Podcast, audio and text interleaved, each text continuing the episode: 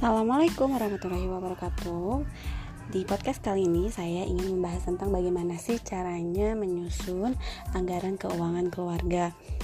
Jadi, setiap orang yang memiliki penghasilan itu membutuhkan rencana anggaran. Terlebih jika bagi yang sudah berkeluarga.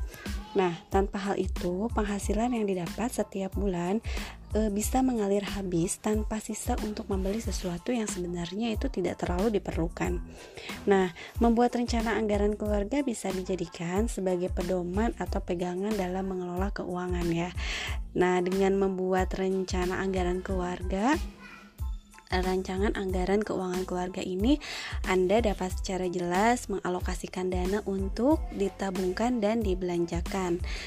Nah, nanti daftar itu bisa menjadi cara untuk bisa keluar dari hutang yang bisa terhindar e, dari hutang. Nah, yang membedakan seseorang memiliki keuangan dan tidak itu dilihat dari sebuah anggaran. Jadi, dengan sebuah anggaran akan membantu Anda untuk menulis hutang, e, dana darurat, juga membayar barang yang diinginkan ataupun dibutuhkan.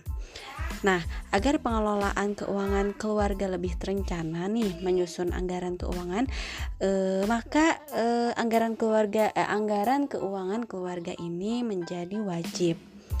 Dengan rencana rancangan budget itu, Anda bisa melihat eh, lalu lintas keuangan keluarga secara rinci. Nah, lalu bagaimana sih cara menyusun anggaran keuangan keluarga? Yang pertama, anda harus pintar mengelola penghasilan Anda.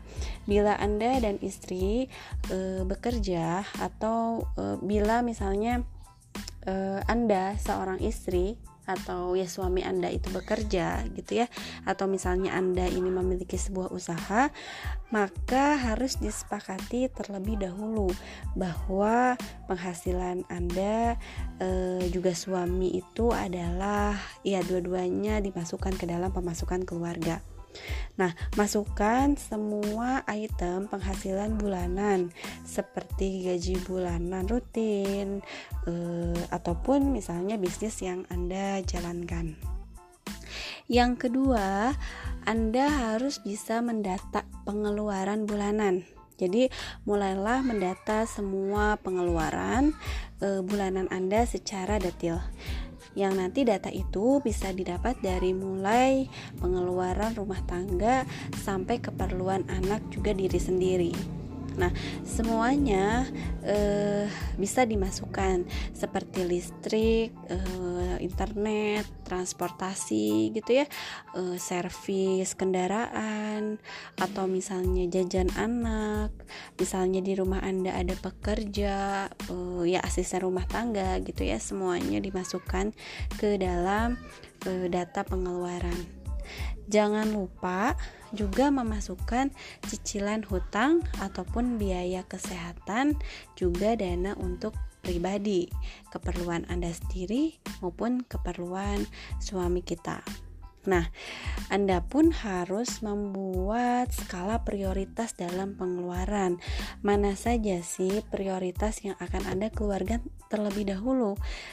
Nah, misalnya seperti melunasi hutang gitu ya uh, dan lain sebagainya gitu.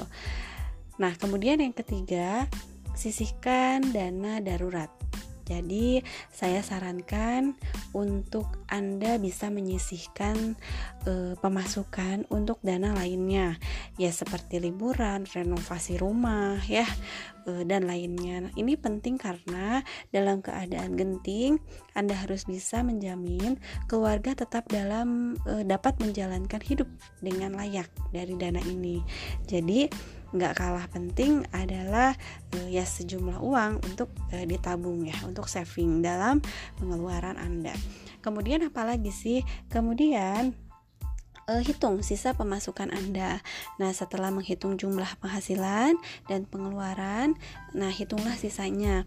Jika masih ada sisa yang cukup, berarti keuangan keuangan keluarga Anda itu sehat.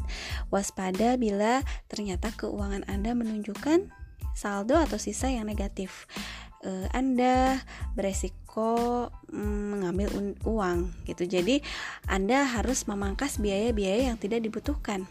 Anda dapat pangkas biaya seperti makan malam di luar, menunda waktu liburan ya, berhenti untuk beli kopi di kafe dan rutinitas yang e, boros. Kemudian selanjutnya adalah konsisten. Yang gak kalah penting adalah dalam menyusun anggaran keuangan keluarga adalah konsistennya ini, teman-teman. Jadi jika dalam daftar anggaran tersebut harus yang membiayai pengeluaran ya seperti hutang dan menabung, maka Anda harus melanjutkan sesuai yang sudah dianggarkan. Jika masih menghadapi pengeluaran yang lebih besar, maka mulai pegang uang tunai. Jadi setiap minggu ambil uang tunai yang diperlukan saja untuk biaya yang perlu dikeluarkan saja. Ya, mungkin itu yang ingin saya sampaikan. Semoga bermanfaat. Silahkan. Assalamualaikum warahmatullahi wabarakatuh.